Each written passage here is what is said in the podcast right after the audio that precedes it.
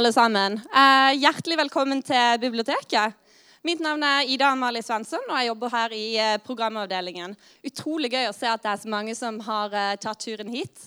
Eh, dette foredraget blir også podkastet og eh, streamet live via YouTube-kanalen vår. Og Dere er da kommet til eh, Psykiateket del 1. Eh, Dette er da den første kvelden i en serie på fire som går ved biblioteket i høst.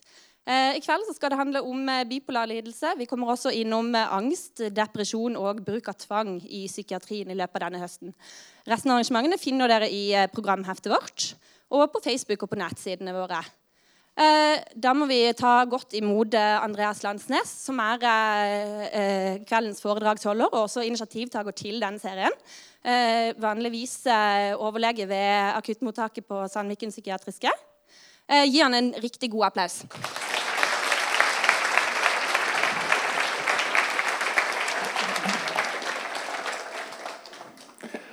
Ja, egentlig så begynte dette for fire år siden. Eh, da holdt jeg min første forelesning. Jeg tenkte at vi har plikt til å drive med folkeopplysning, så da hadde jeg en forelesning på Sandviken sykehus. Hvor jeg sendte noen e-poster på forhånd sånn for at folk skulle komme. Og da kom det to stykker. Eh, I dag så kom det 240 før de måtte si stopp. Så det gjelder å ikke gi opp. Selv om det bare kom to første gang, så fortsatte jeg. Og så kom det flere og flere, og så stabiliserte det seg på sånn ca. 40-50 stykk som kom, kom, til hver forelesning. Men før sommeren så ringte jeg til biblioteket og spurte om det ikke kunne være en idé å drive folkeopplysning her i biblioteket. Og Da slapp jeg å overtale noen. Det var bare 'ja, fint, alle tiders, kom igjen'. Så da er vi i gang her. Det jeg skal fortelle om nå denne gangen, er bipolare lidelser. Det er kanskje noen som kjenner til dette bildet. her. Det er van Gogh, og det heter 'Stjernenatt'. For de fleste av oss ser en stjernenatt omtrent sånt ut. Men hvis du ser stjernenatt sånn som dette her, så har du veldig du opplever virkelig veldig sterkt, som er nokså typisk ved maniske tilstander. og Man regner også med at van Gogh hadde en manisk tilstand. Vi kommer tilbake til van Gogh og andre berømte litt seinere. Dette blir disposisjonen. Jeg har tenkt først å fortelle litt om historie. Litt av symptomer på bipolar lidelse. Og når det gjelder bipolar lidelse, så kommer vi ikke utenom berømte personer. fordi det er veldig mange berømte personer som enten har vært bipolare, eller vil gjerne ha vært bipolare, eller ønsker å bli bipolare, eller hva det nå er for noe. Men det er i hvert fall veldig inn å være bipolar. Og Så skal jeg si noe om diagnose, og til slutt noe om behandling.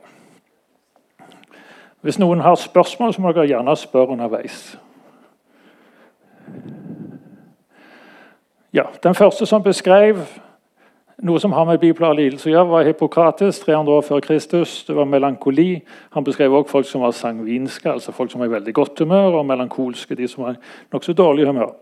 Den første som beskrev noe med både perioder med depresjon og oppstemthet hos samme pasient, var Araeteus ca. 100 år etter Kristus. Så man har ikke hatt noe som skriftlig om dette særlig lenge.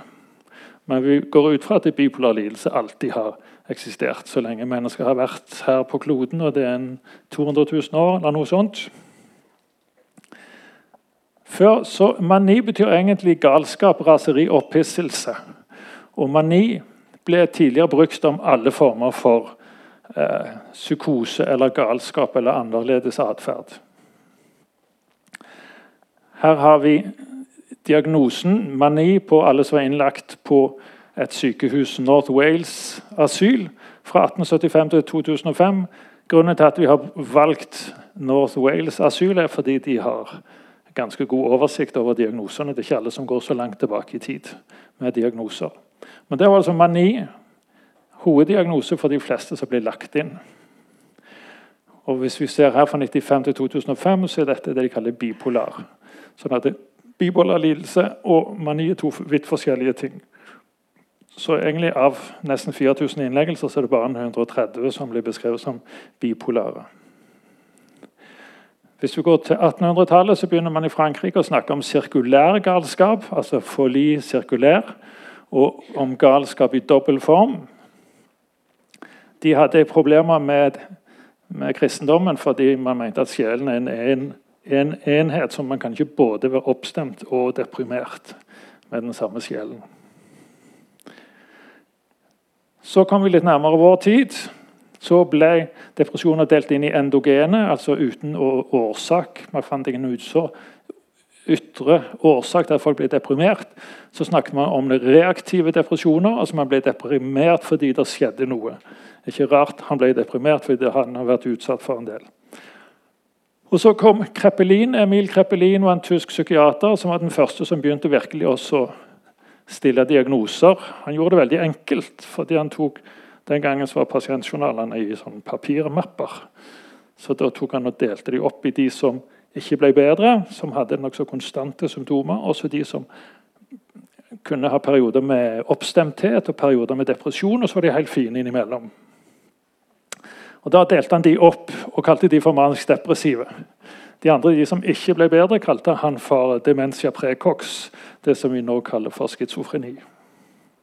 Det som er litt interessant, er jo at han delte disse inn på forløp, hvorledes forløpet var. Men nå når man har begynt å se på DNA og genetikk, så ser det ut som om de to gruppene er ganske like på genetisk nivå. Det er bare forløpet som er annerledes.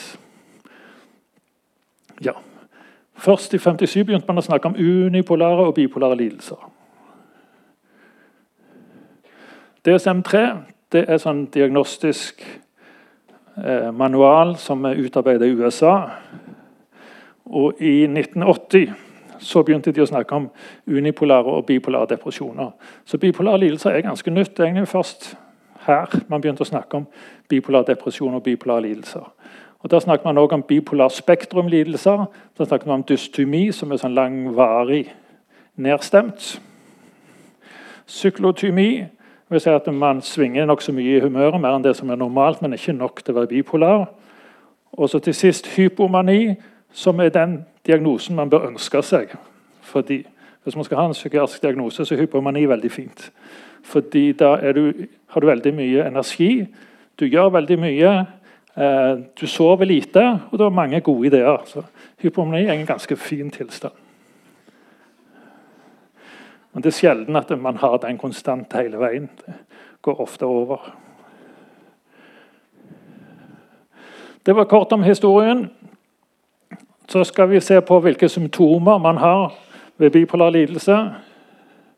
Symptomer på bipolar lidelse Man kaller det også for bipolar affektiv lidelse. Altså Det har noe med humør å gjøre, noe med affekter å gjøre. Og Hva er affekter for noe? Det er bevisste opplevelser av de fem grunnleggende følelsene.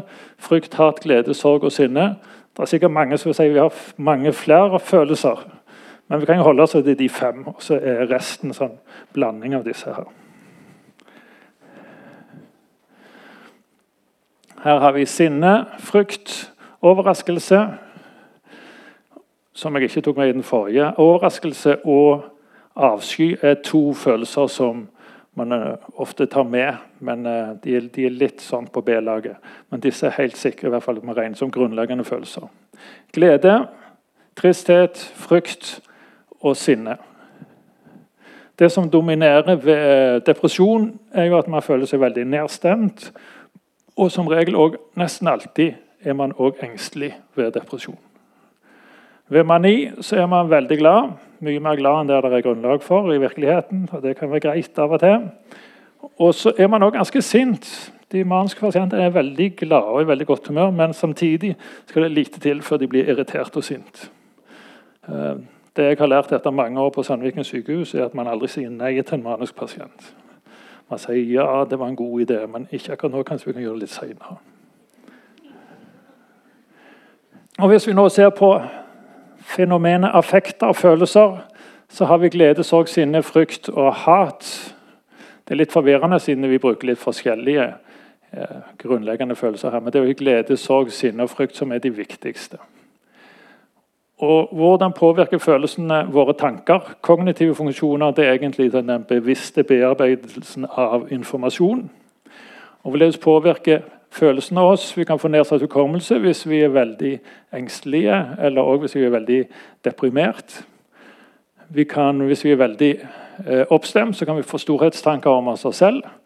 Og ved mani så er det typisk at man får veldig raske tanker. Man føler at tankene går veldig fort gjennom hodet. Og man får veldig mange ideer og blir veldig kreativ. Så kreativitet er jo knytta opp mot eh, mani. Det er mange kre veldig kreative mennesker som uh, er maniske eller bipolare. Hvilke kroppslige, og, kroppslige symptomer får man av bipolare lidelser?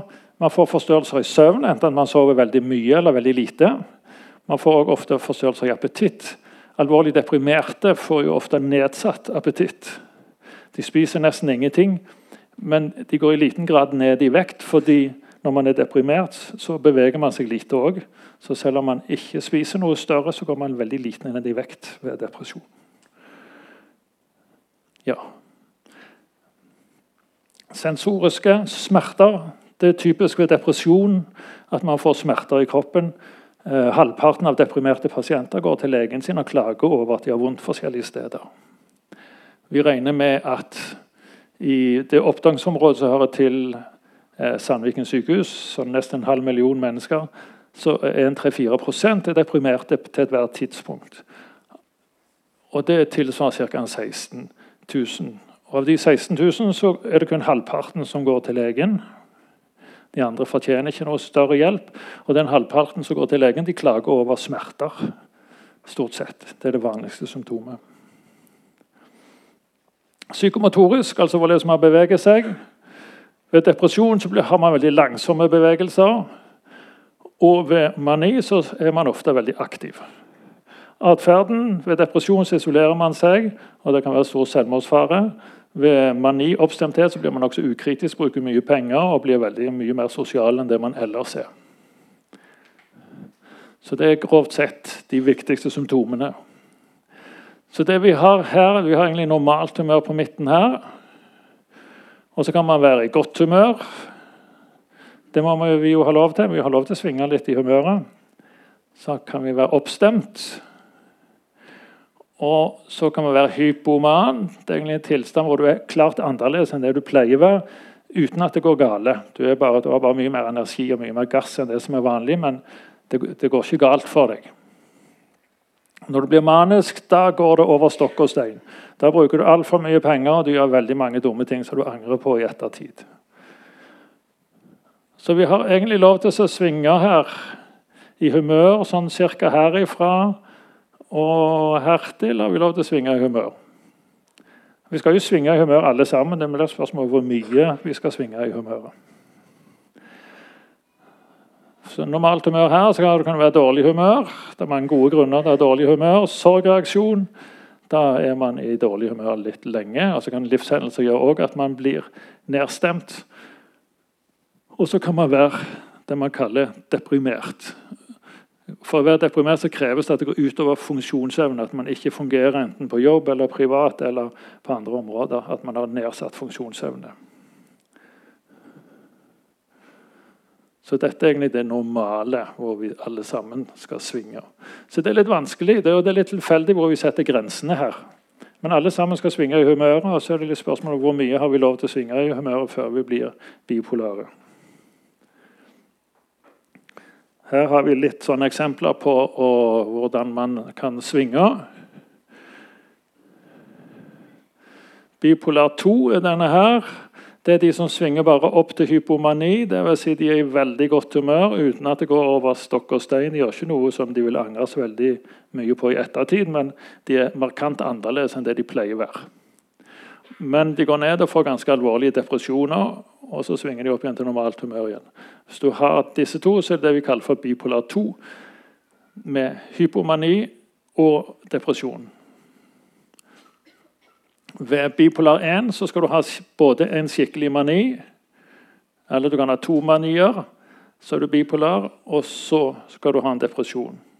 Hvis du har to depresjoner, så heter det tilbakevendende depresjon, men noen vil mene at det er det samme som bipolar. Det er litt sånt omdiskutert. Og så har vi syklotomi. Det er de som ikke blir skikkelig maniske, og de blir ikke skikkelig deprimerte heller. Det er det man kaller for bipolar light-utgaven. Lett, lett utgaven. Det var ikke lenge nok, det er ikke alvorlig nok, men det ligner veldig mye på bipolar lidelse. Har en annen måte å se det på. Alvorlig depresjon. Normalt humør her, og så kan du synge over i mani. Hypomani. Og så kan man også ha det her som vi ser her, som man kaller blanda episode. At man er både oppstemt og deprimert samtidig. Det høres jo litt rart ut at man både kan være oppstemt og deprimert samtidig, men det at det svinger veldig raskt i løpet av få timer. Det er det noe som kan ha. Det ser ut som vi har fått mer av den typen nå når man har begynt å bruke antidepressiva på folk som har bipolar lidelse, men det kan vi komme tilbake til. Det var grovt sett om symptomene.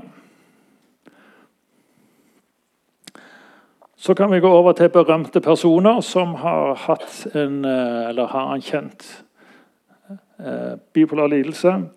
Her har vi jo Stjernenatten, hvor man ser at det er voldsomt kraftige farger som er brukt her. Eh, en tolkning av det er jo at Vincent van Gogh var bipolar. Vincent van Gogh var, ble bare 37 år gammel.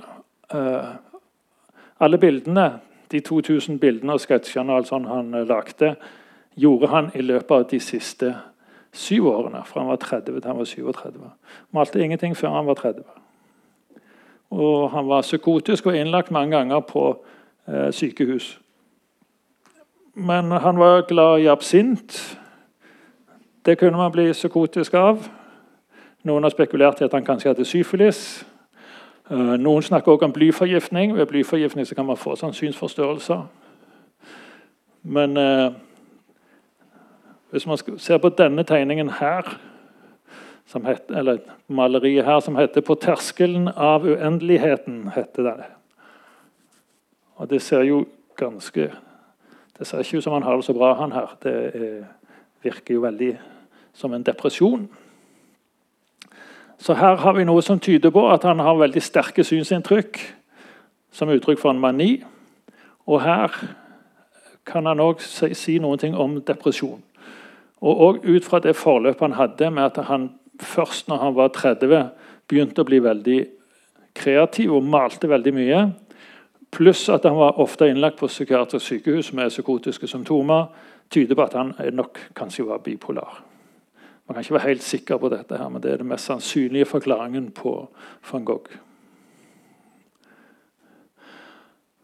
Her har vi et bilde som heter 'Kråker over hveteåker', som var det aller siste bildet Vincent van Gogh malte. Det er noen som mener at dette er et veldig trist bilde med alle disse kråkene. her. Det ser veldig trist ut. og så han liksom mista fokuset her. Linjene går sånn, litt i hytt og vær her framme. Som noen mener at dette er veldig depressivt. Uh, Vincent van Gogh døde jo av et skudd som gikk inn i magen og ut gjennom brystkassen hans. Om han gjorde det selv, eller om det var et uhell, eller om det var noen andre som gjorde det. Det er veldig uklart. Det vet man ikke. Det har vært mye spekulering omkring.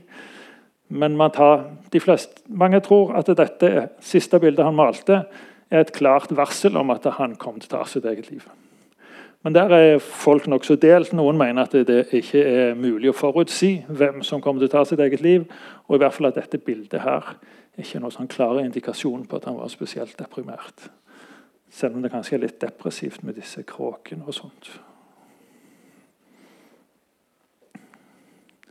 Berømte personer. Jeg vet ikke hvor berømt han er, men Stephen Fry hadde i 2006 en BBC, et dokumentar som heter 'The Secret Life of the Manic Depressive'. hvor han, eh, Dette er en sånn dokumentar som jeg tror er mulig å få på nettet. YouTube eller noe sånt. Den lå veldig lenge ute på NRK. Eh, det er en veldig godt lagd dokumentar hvor han, hvor han eh, snakker med mange som er bipolare. Og Stephen Fry er jo ikke lege, eller noe sånt, så han er ikke så opptatt egentlig av diagnoser og behandling. og sånt. Det er mer hvordan folk selv opplever det å være bipolar.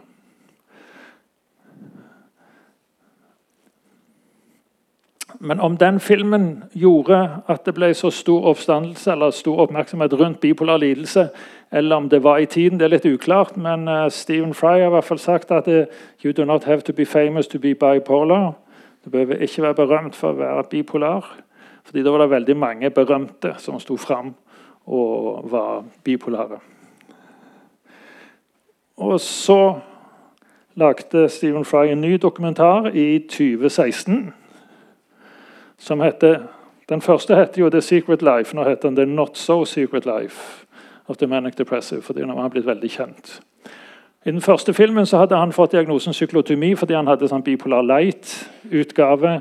Ti år senere har han fått en bipolar 1, altså det som er en sånn skikkelig bipolar lidelse. For de første dokumentarene hadde han også korte manier og korte depresjoner. Men de ble lengre etter hvert. Så nå har han en, en det vi vil kalle for en bipolar 1-lidelse.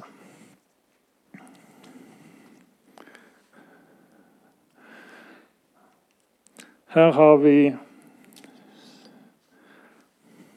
en bok som er skrevet av Kay Redfield Jameson, som heter 'Touched with Fire', som går på at bipolare Hun nevner opp veldig mange bipolare personer uh, som er blitt veldig berømte. Vi ser jo bilder av vår venn her, Vincent van Gogh. Det ser ut som han mangler et øre der, kanskje. Uh, Kay Redfield Jameson er amerikansk psykolog. og Hun er professor i psykiatri. Og hun regnes for å være den fremste eh, eksperten i verden på bipolar lidelse. Eh, hun har selv vært bipolar siden hun var sånn 18-19 år gammel og bruker litium. Og hun var i Bergen og holdt en forelesning for det er noen år siden, 2009, tror jeg det var. Det som er interessant var at Hun holdt en forelesning om hvor kjekt det er å være manisk. Og Hun driver på å forske, og noen ganger så går det litt seint med å skrive disse her eh, rapportene hun skal produsere. Og Da trapper hun litt ned på litium, og da blir hun litt sånn oppstemt manisk, og da går det mye fortere. Da kan hun jobbe mye lenger, og det går mye bedre. Og så når jeg har fått gjort arbeidet, så trapper hun opp igjen litt på litium fordi det er litt plagsomt. Jeg var gift med henne når hun er sånn, så da trapper hun ned igjen. Hun har også skrevet en bok som heter 'Nothing Was The Same'. Det er et memoar. Det handler veldig mye om faren hennes, som nok sannsynligvis var bipolar, han òg. Også den mest berømte boken hennes, 'An Unquiet Mind'. Det, det er vel sikkert en bok som de har her på biblioteket. som heter 'Mitt urolige sinn'. Hvor hun beskriver egentlig sitt eget liv. Hvordan det, var, hvordan det begynte med hennes manier og depresjoner. og hvordan det har preget livet hennes. Det som er litt overraskende med henne, er at hun er en veldig sterk talsmann for bruk av litium. Men det er mye fordi det har hjulpet henne veldig. Det er ikke alle som blir hjulpet av litium, men hun har hatt veldig stor nytte av det. Og Her har vi en berømt person som leser boken til en berømt person. Hvilken berømt person er dette? Hva? En skrekkelig berømt person. Ja, helt riktig. Lady Gaga. Jeg vet ikke om hun er bipolar. kanskje Kanskje er det, kanskje er det ikke, eller kanskje bare leser boken til Kay Redfield Jameson. Jeg vet ikke om hun har gått ut og sagt hun er bipolar, men hun leser i hvert fall om det her. Robin Williams han var i hvert fall bipolar. Det er noen filmer han har lagd hvor han er veldig tydelig manisk. Eller vet i hvert fall hvordan det er å være manisk. Kurt Cobain har vel òg stått fram som bipolar. om Mel Gibson, Frank Sinatra, Amy Winehouse, Catherine Zeta-Jones og Ernst Hemingway. Det er lange lange lister over berømte folk som er, er bipolare.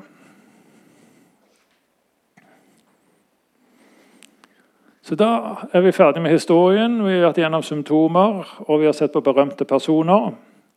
Så nå kommer vi fram til diagnosen. Hvordan setter vi diagnosen? Eh, bipolar lidelse. Det er noe som jeg vil kalle for populære diagnoser. Det vil ikke si at det er så populært å ha dem, men de har blitt populære å stille disse diagnosene. De har økt voldsomt de siste årene med forekomsten av ADHD, PTSD og bipolar lidelse. Om det er økt forekomst, eller om bare vi er blitt bedre til å diagnostisere det, eller om det er økt åpenhet, eller hva det er, det er litt uklart. Men jeg skal nå se på bipolar lidelse, som har økt ganske kraftig i forekomst. Symptomene på mani er at man føler seg veldig oppstemt og irritabel i minst syv dager ved mani. Og ved hypomani så har de satt litt tilfeldig ved tre dager. Hvor kommer de dagene fra? Hvorfor har de sagt syv dager, tre dager? og sånn? Det er fordi det har vært en, mange psykiatere i USA som sitter sammen, og så rekker de opp hånden, og så en sier syv dager, en sier ti dager, og så blir de liksom enige om syv dager eller tre dager. Det er litt tilfeldig. Det er ikke sånn helt eksakt. Men i hvert fall hvis man er manisk, så er man rastløs. Motorisk rastløs, man beveger seg ganske mye. Taletrengt, man snakker som en foss, er vanskelig å stanse. Har en helt klar fornemmelse av at man tenker veldig raskt, at alle andre er noen tullinger som ikke klarer å følge med. Mye upassende atferd. Si at man gjør ting som man ellers ikke ville ha gjort. Veldig ukritisk atferd. Bruker mye penger eller tar kontakt med folk man ellers ikke ville tatt kontakt med. Og gjør mye rart. Man sover veldig lite. Økt selvfølelse. Man har ofte tanker om at man kan veldig mye som andre ikke kan. Man gjør veldig, ting som er veldig gøy, men ikke så veldig trygt. Og så bruker man ofte nokså mye penger når man er manisk. Vi pleier å si at Forskjellen mellom mani og hypomani er at ved mani så blir du stort sett eh, tvangsinnlagt på psykiatrisk akuttmottak. Så de fleste maniske pasientene her i i området ser vi, fordi de blir lagt inn. Ved hypomani så kan du klare deg veldig fint ute. Og hva er symptomet på depresjon? Da føler man seg nedstemt. Ingenting er gøy lenger, og man har veldig lite energi. orker ikke noen ting, og Det skal ha vart i minst to uker. Hvorfor to uker?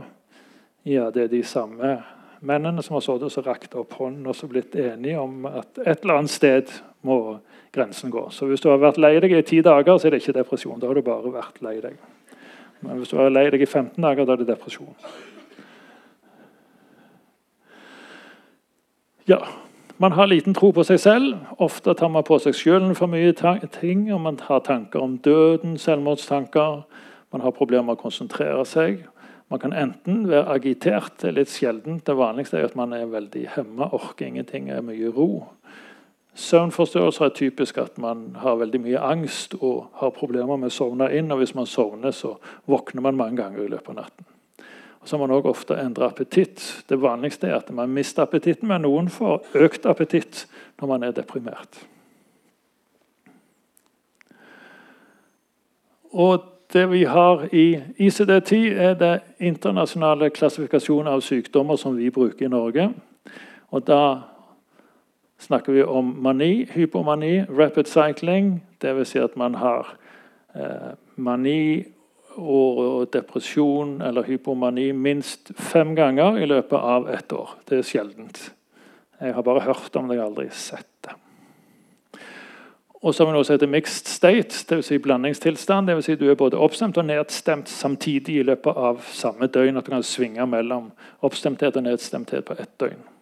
Så vi bipolar 1, som er det vi kaller for den klassisk bipolare med skikkelig manier og skikkelige depresjoner. Og så har vi bipolar 2, hvor man ikke er skikkelig manisk, men bare hypoman, og, men har skikkelige depresjoner. Dette her er standard læreboken i Eh, for bipolare lidelser. Det er en svær, tung sak. Den veier over et kilo. Det er et par tusen sider med veldig små bokstaver. Så den bruker vi til å slå opp i hvis vi lurer på noe.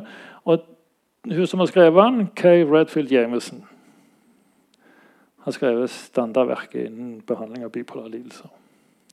Jeg vil ikke råde noen å kjøpe den boken. Veldig, veldig tung litteratur.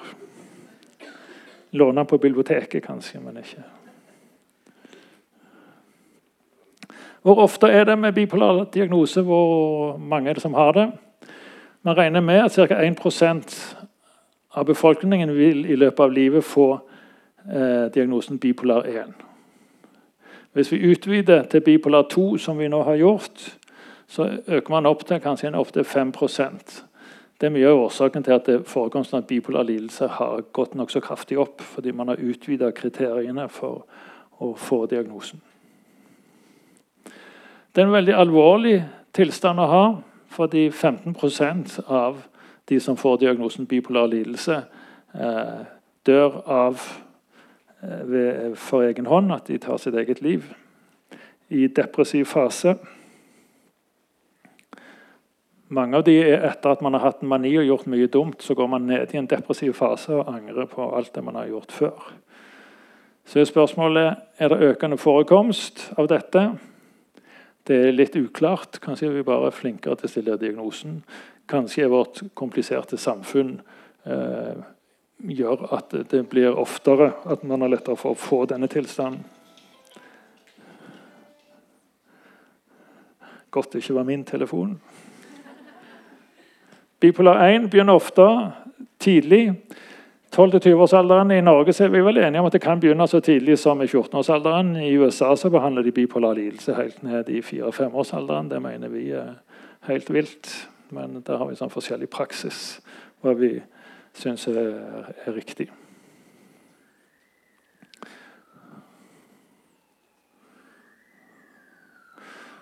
Hva er årsaken til at man får en bipolar lidelse? Det er i hvert fall veldig arvelig. Enegga tvillinger da har Hvis den ene tvillingen er bipolar, så er det 40-70 sjanse for at den andre tvillingen er bipolar. Så det er veldig kraftig arvelighet. Men det som er underlig, er jo at det er veldig kraftig Vi ser både bipolar lidelse og schizofreni veldig ofte i samme familier. Sånn det ser ut som det er en sånn genetisk kobling mellom bipolar lidelse og schizofreni som har helt forskjellige symptomer, men genetisk sett ser det ut som de er veldig like. Det er veldig interessant med at genetikk og symptomer er så forskjellige. Toeggede tvillinger så er det en 10-20 av den andre har bipolar lidelse, hvis den ene har det. Det er nokså velkjent at stress kan utløse episoder. Jeg har vært ute for et tvillingpar her i Bergen hvor de begge to er bipolare, mens den ene er gift og lever et stabilt liv, har veldig få episoder, mens den andre, som eh, bruker litt for mye, eller altfor mye rusmidler, og som ikke er i arbeid, og som er skilt, går det mye dårligere med. Sånn at eh, stress utløser episoder og gjør forløpet mye vanskeligere. Det ser ut som depresjon har noe med serotonin å gjøre, og at mani har noe med dopamin å gjøre. Men det er litt sånn nokså grov overforenkling av hjernens anatomi. Det er nok mange andre ting som spiller inn her.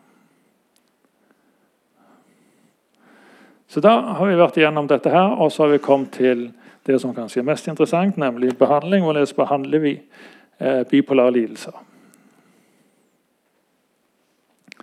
Litium har vi kjent og brukt siden 1800-tallet.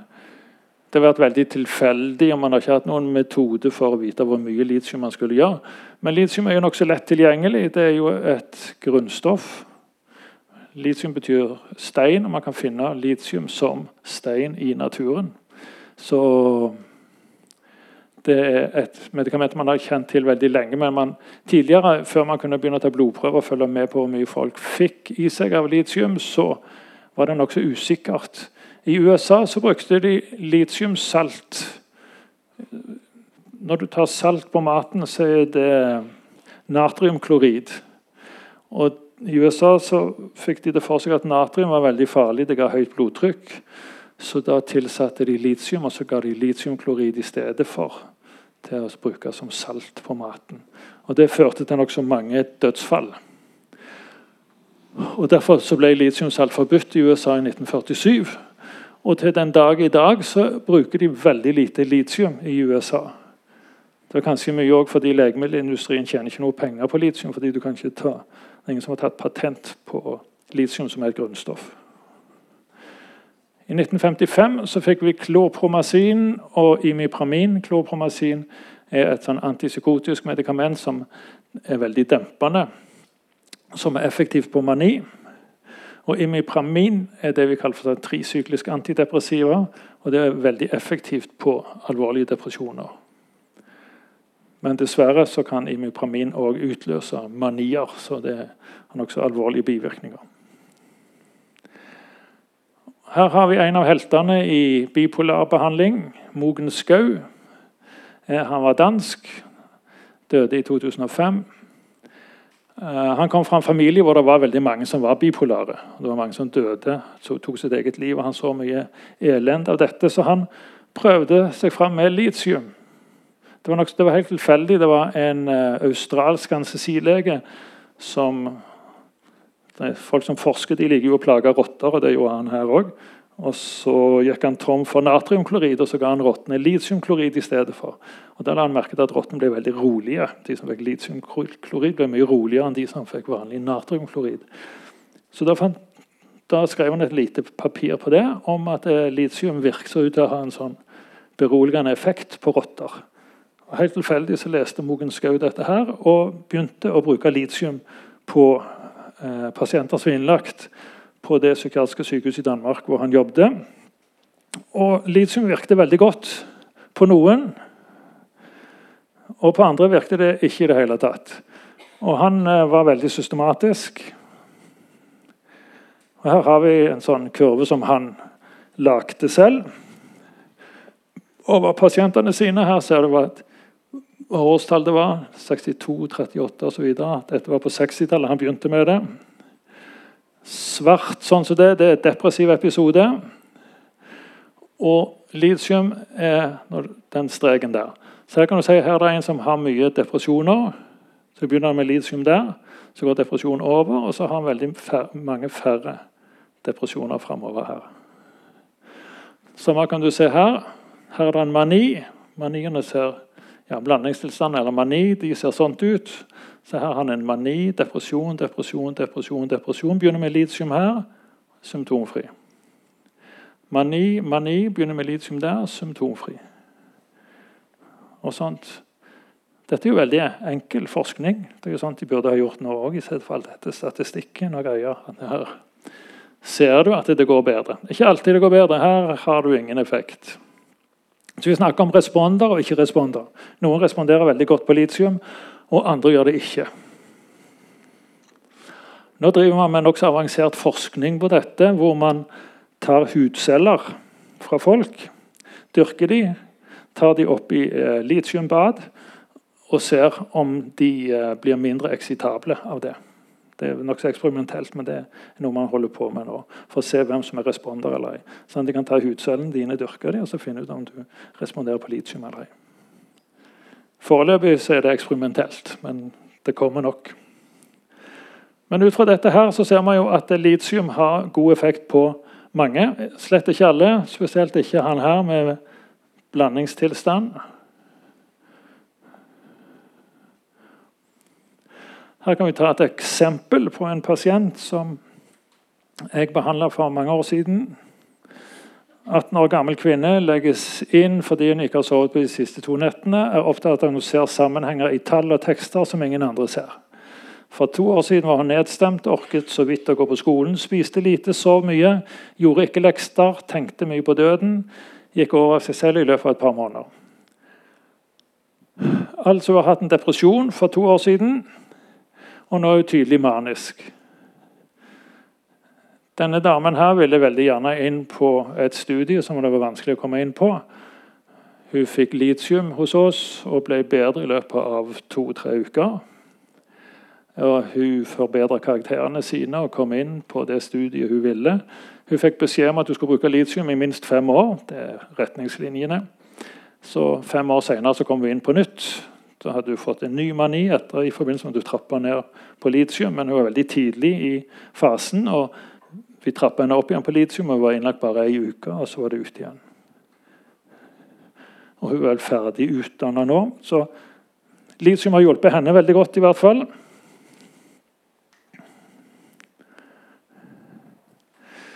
Og noe vi bruker Litium kaller man jo for eh, stemningsstabiliserende medikament. Hvis vi her ser, søker på stemningsstabiliserende medikament og ser om det er skrevet artikler om det, så ser vi på i 80-tallet og begynnelsen av 90-tallet var det ikke skrevet noen artikler om det. Men her fra begynnelsen av 90-tallet og utover så har det tatt helt av. Men man skriver veldig mye om stemningsstabiliserende medikamenter. Og da er det i forbindelse med behandling av bipolare lidelser. Her har vi bruk av stemningsstabiliserende medikamenter i norske sykehus fra 1991 og fram til 2000. Den blå her det er litium. Den har holdt seg ganske konstant. Men så har man her begynt med noe nytt.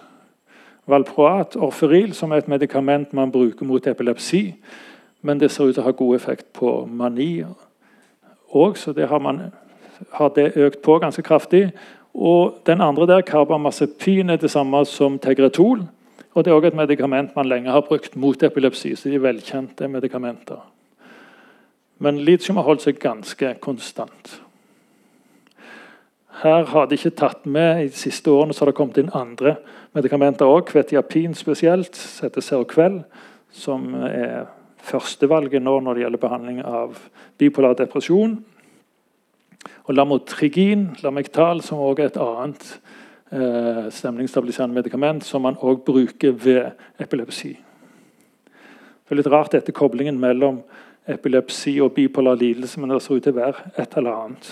Fordi de samme medikamentene hjelper på begge deler. Men litium hjelper ikke på epilepsi. Men alle disse her, stemningsstabiliserende, er Nei, bortsett fra Serokvel, men Offeril, Tegratol og Lamictal er epilepsimedikamenter som man bruker til behandling av mani. Hvorledes virker disse her?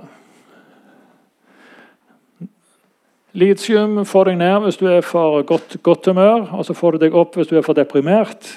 Men det er mest effektivt mot oppstemthet og i mindre grad mot depresjon. Men det virker på begge deler. Lamotrigin, lamictal, det virker mest mot depresjon og virker veldig lite mot eh, mani. Valproat, orferil, virker mest mot eh, mani. altså Det får deg normalisere. Det får ikke humøret ditt ned, det normaliserer humøret ditt. Og har liten effekt på depresjon. Karbamazepin, altså tegretol, det har nokså svak virkning i begge retninger. Så det er egentlig på vei ut fordi det har så mange interaksjoner med andre medikamenter at man har begynt å bruke mindre av det. Så Behandling av bipolare lidelser er først og fremst litium. Hvis du responderer godt på litium, så er det stemningsstabiliserende av de som vi har sett på her. Antidepressiva har jeg satt i parentes fordi dette er en, sånn, en nasjonal faglig retningslinje for behandling av bipolare lidelser. De har skrevet den på nynorsk, så det er ingen som finner den. Det det de fleste søker på på nettet, er jo retningslinjer for altså Her er det retningslinjer for utgreiing. Det, det, blir vanskelig. Folk finner ikke den. Men i hvert fall, fagfolk har delt seg på midten her og sagt at noen mener at man aldri skal bruke antidepressiva ved bipolare lidelser. Og noen mener at man kan bruke antidepressiva hvis man bare bruker ordentlig med stemningsstabiliserende først. Så det er egentlig fagmiljøet litt delt. Det man i hvert fall er enige om, er at psykoedukasjon er en god ting. Kjenner igjen symptomer tidlig. Kognitiv terapi går mye på det samme, at man lærer seg teknikker. Eh, spesielt for å forhindre tilbakefall av depresjon. Og, og å kjenne igjen tidlige symptomer på mani og hva man gjør når man føler seg oppstemt. Og ECT, det man kaller elektrosjokk, er veldig effektiv behandling både på veldig alvorlige depresjoner og på veldig alvorlige manier. Men man bruker det først hvis man eh, har prøvd andre ting som ikke virker. Hvorledes er Det viktigste med bipolar lidelse som får den diagnosen, er jo hvordan ser fremtiden min ut? Hva betyr dette? Kan jeg leve et normalt liv, eller blir dette veldig vanskelig? Og De viktigste faktorene her er at du, om du har innsikt selv, forstår du at du har en bipolar lidelse. Og er du med på å øh, diskutere hva som er de tidlige symptomene på at du begynner å bli deprimert, og hva som er de tidlige symptomene på at du begynner å bli manisk. Vanligvis har folk veldig god innsikt i tidlige symptomer på depresjon. Depresjon gjør vondt, det er ubehagelig, det er ikke noe kjekt å være deprimert. så Det kjenner folk igjen veldig lett. Men mani er mye vanskelig å ha innsikt for. Jeg er verdensmester, alt er gøy, jeg har det fint og jeg er mye smartere enn alle andre. Så hva er problemet? Så Når det gjelder mani, så må man finne litt mer sånn objektive kriterier. F.eks. hvis du sover mindre enn seks timer om natten og føler deg veldig opplagt, da kan det være at du er i ferd med å bli oppstemt. Avhenger litt av hvor mye du vanligvis sover. Men sånn rent generelt så sier vi seks timer. Hvis du er en av de som bare sover fem timer om natten, så kan man så si at hvis du sover mindre enn fire timer og føler deg veldig eh, opplagt og i godt humør, så kan det være at du begynner å bli oppstemt. Og Hva skal du gjøre da? Da må du begynne å ta medikamenter. Så betyr det òg mye hvordan man responderer på medikamentene. De heldigste er jo for så vidt de som responderer bra på litium. Fordi Da slipper de med ett medikament, og eh, det virker bra på dem. Men ellers er prinsippet for bipolare lidelser at man godt kan bruke mange forskjellige typer medikamenter for å få stabilisert humøret, men minst mulig medikamenter pga. bivirkninger. En av de største komplikasjonene til bipolar lidelse er rus. Man regner med at halvparten av de som har en bipolar lidelse, har på et eller annet tidspunkt problemer med rusmidler fordi eh, depresjon og angst er veldig fremtredende ved bipolar lidelse. Og spesielt alkohol hjelper veldig på angst. Det demper angsten nokså umiddelbart. Men så blir man mer deprimert neste dag, så det hjelper ikke på langt sikt. Men det hjelper akkurat her og nå. Så Det største problemet med bipolar lidelse er at eh, ca. halvparten av de får problemer med rusmidler. Personlighet betyr òg en del. Å være i arbeid det vil, Når det gjelder behandling av psykiske lidelser, så er det kun én ting som virkelig slår igjennom, og som hjelper på alle psykiske lidelser. Og det er å være i arbeid.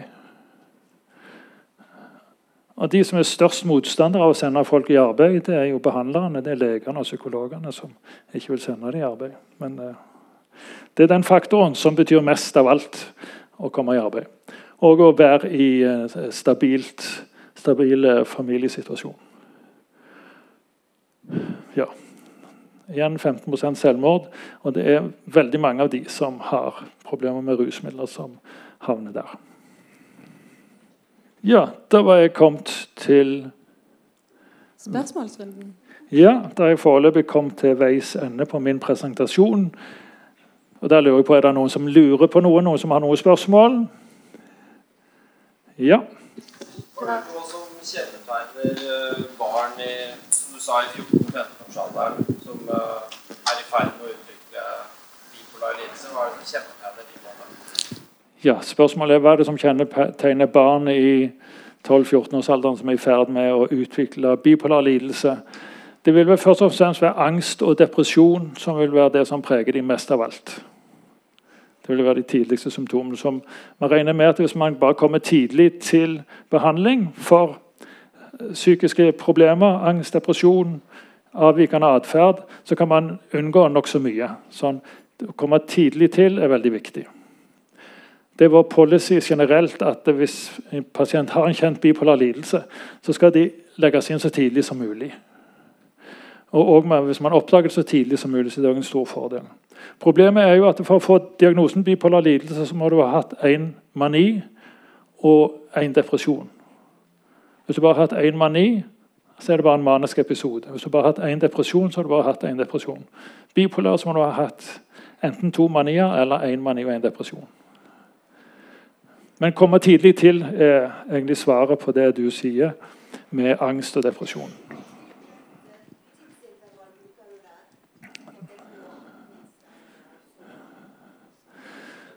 Uh, skal vi se, En mani skal jo vare i syv dager. Og en depresjon må vare i 14 dager. Så du kan få alt dette i løpet av en måned.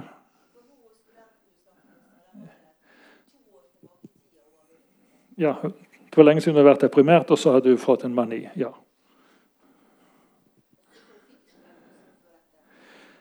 Etter den første episoden så kunne man ikke si gi henne en diagnose, fordi det var en depresjon som gikk over av seg selv. Ja. erfaringer rundt det å bruke briller som blokkerer blått lys? Ja, det, ja. Eh, det har vi prosjekt gående på Sandviken sykehus. fordi det starta egentlig på Valen sykehus, hvor det var en eh, lege der som eh, ble inspirert av erfaring fra andre steder i verden. Hvor man har sett at det å blokkere blått lys hjelp er veldig effektiv behandling på mani. Men det er ikke selvstendig behandling på mani. Du bruker det i tillegg til medikamenter. Og det man har vist er at Hvis du bruker disse brillene som blokkerer blått lys. Det er sånn gule briller. Hvis du bruker det, så reduserer du behovet for andre medikamenter. Det er ikke en erstatning for medikamenter, men det gjør at du bruker mindre medikamenter. Men for de som har jobba med maniske pasienter, vet at det ikke alltid er like lett å holde brillene på dem. Så Derfor jobber man litt med å få egne enheter hvor man har eh, gule vinduer, sånn at man blokkerer lyset inn. At det er kanskje det som blir framtiden. Fordi effektiv behandling av mani nå er jo skjerming. At man har de med begrensa eh, synsinntrykk og sånt. Og så én person de forholder seg til hele tiden. Én-til-én-skjerming. På Sandviken sykehus har vi god erfaring med å gå tur i skogen med dem. Det blir de bedre av, men altså går torganvendingen blir de dårligere av. Da blir det for mye inntrykk. Ja. Ja, jeg lurte på hvorfor en antar at bipolar lidelse alltid har eksistert. eller hvordan, hvordan en kommer fram til den konklusjonen.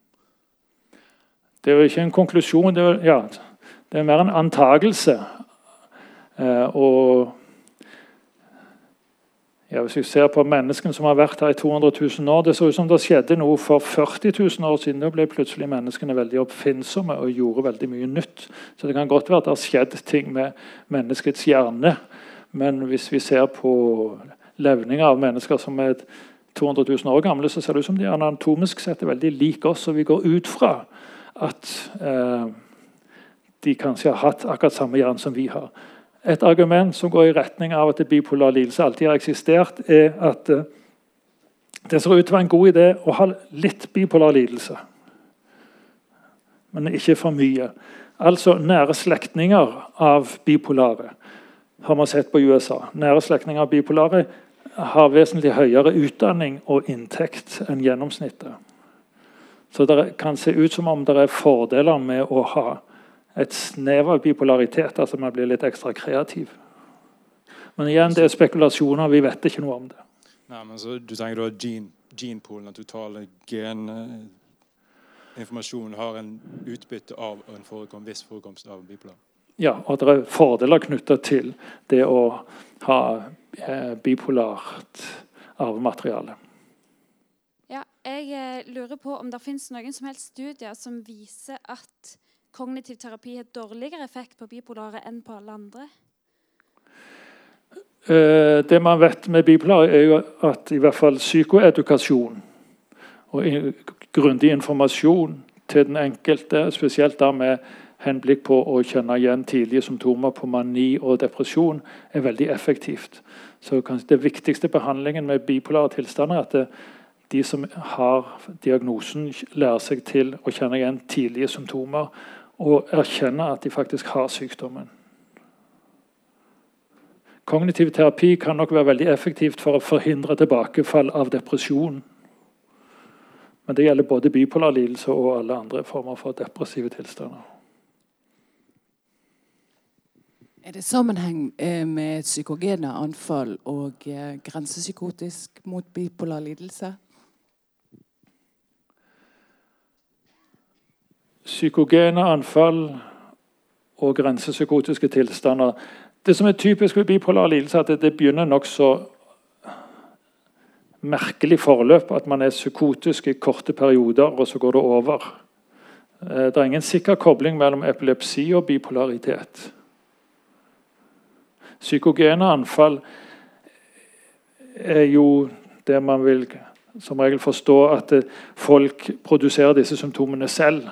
Altså de at det ligger psykologiske mekanismer bak.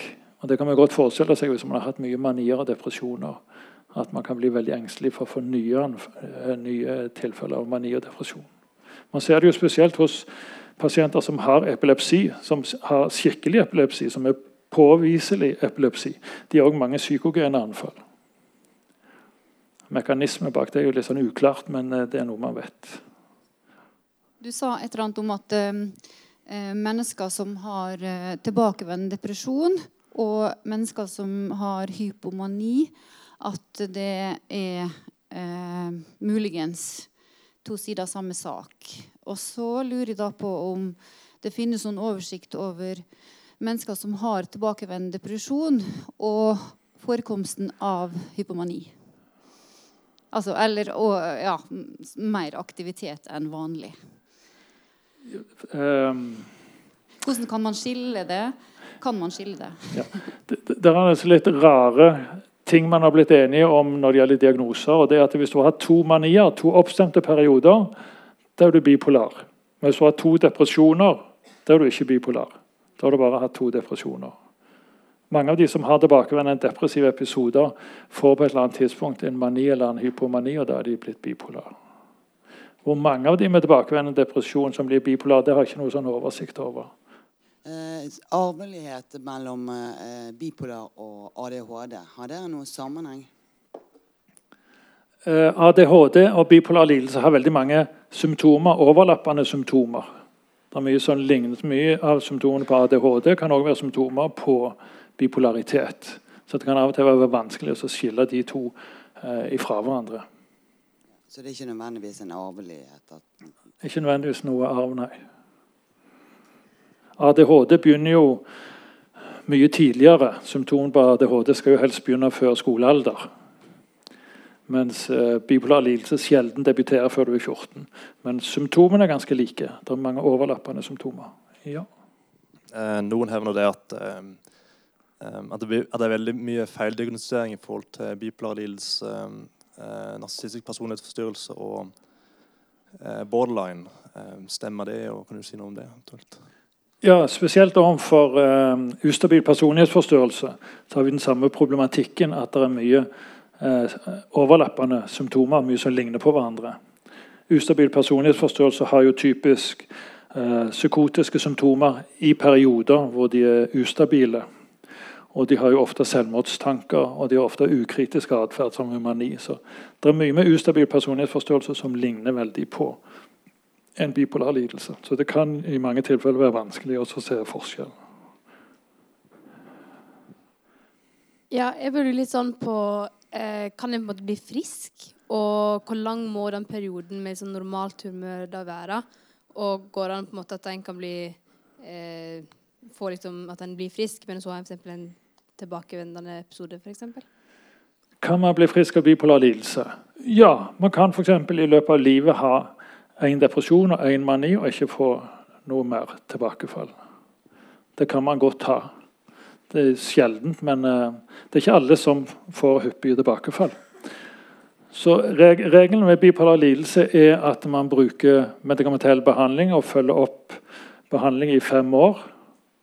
Og Hvis man er helt symptomfri i den, de fem årene, så kan man vurdere å trappe ned på medisiner gå litt sjeldnere til kontroller. Og noen kan Eh, så ikke få tilbakefall. At man bare har én mani og én depresjon i løpet av hele livet. Og Man vet jo ikke hvem det er. Så Derfor er det viktig å kjenne seg sjøl og kjenne til hva tid du får tilbakefall. Tidlige symptomer på tilbakefall. Da må du oppsøke hjelp. Så blir det mye opp til den enkelte. Hun som jeg refererte, som var helt klart bipolar. En depresjon og en mani Bruk medikamenter i fem år. Eh, så slutta hun med medikamenter, veldig forsiktig. Og Da hadde hun litt sånn dårlig samvittighet og sa at det var dumt av meg å gjøre det. og alt sånt. Så du kunne ikke vite om du ville få tilbakefall eller ei. Så bipolar lidelse så behøver du ikke nødvendigvis å bruke medikamenter resten av livet hvis du bare har to episoder. Men hvis du har tre episoder, så begynner det å bli 90% sjanse for at du får enda et tilbakefall. Og Hvis du har hatt fire episoder, så begynner det å bli 95% sjanse for at du vil få et tilbakefall. Så desto flere episoder du har, desto større sjansen for at du vil få en episode til. Hei. Eh, jeg lurer på om det er noe sammenheng med, med OCD, eller tvangstanker og bipolar lidelse? Eller det å være, det var manisk? Nei. Ikke som jeg vet. Det, det er to veldig forskjellige ting. To veldig forskjellige ting. Det å, være, det å få OCD, kan det eh, Er det typisk for, eh, for rus og sånne ting? Kan du, kan du utvikle OCD eller tvangstanker ved rus eller alkoholmisbruk f.eks.? Sjelden. Det som er vanligste komplikasjonen til OCD, altså tvangslidelse, er depresjon. Det er veldig, det er veldig tungvint å ha OCD, tvangslidelse. Det er en veldig stor belastning. sånn at Det vi ofte ser med pasienter med tvangslidelser, er at de utvikler depresjon. Eh, vi rekker et siste spørsmål hvis noen har det. Det er en der inne som du ikke kan se.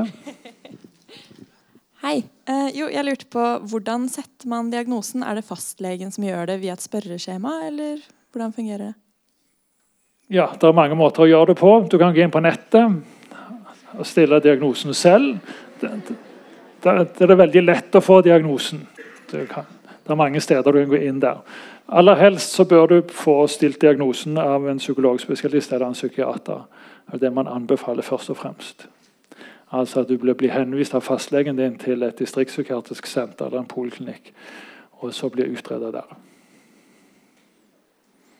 Men hvis du absolutt vil ha diagnosen, så er det nettet som er stedet.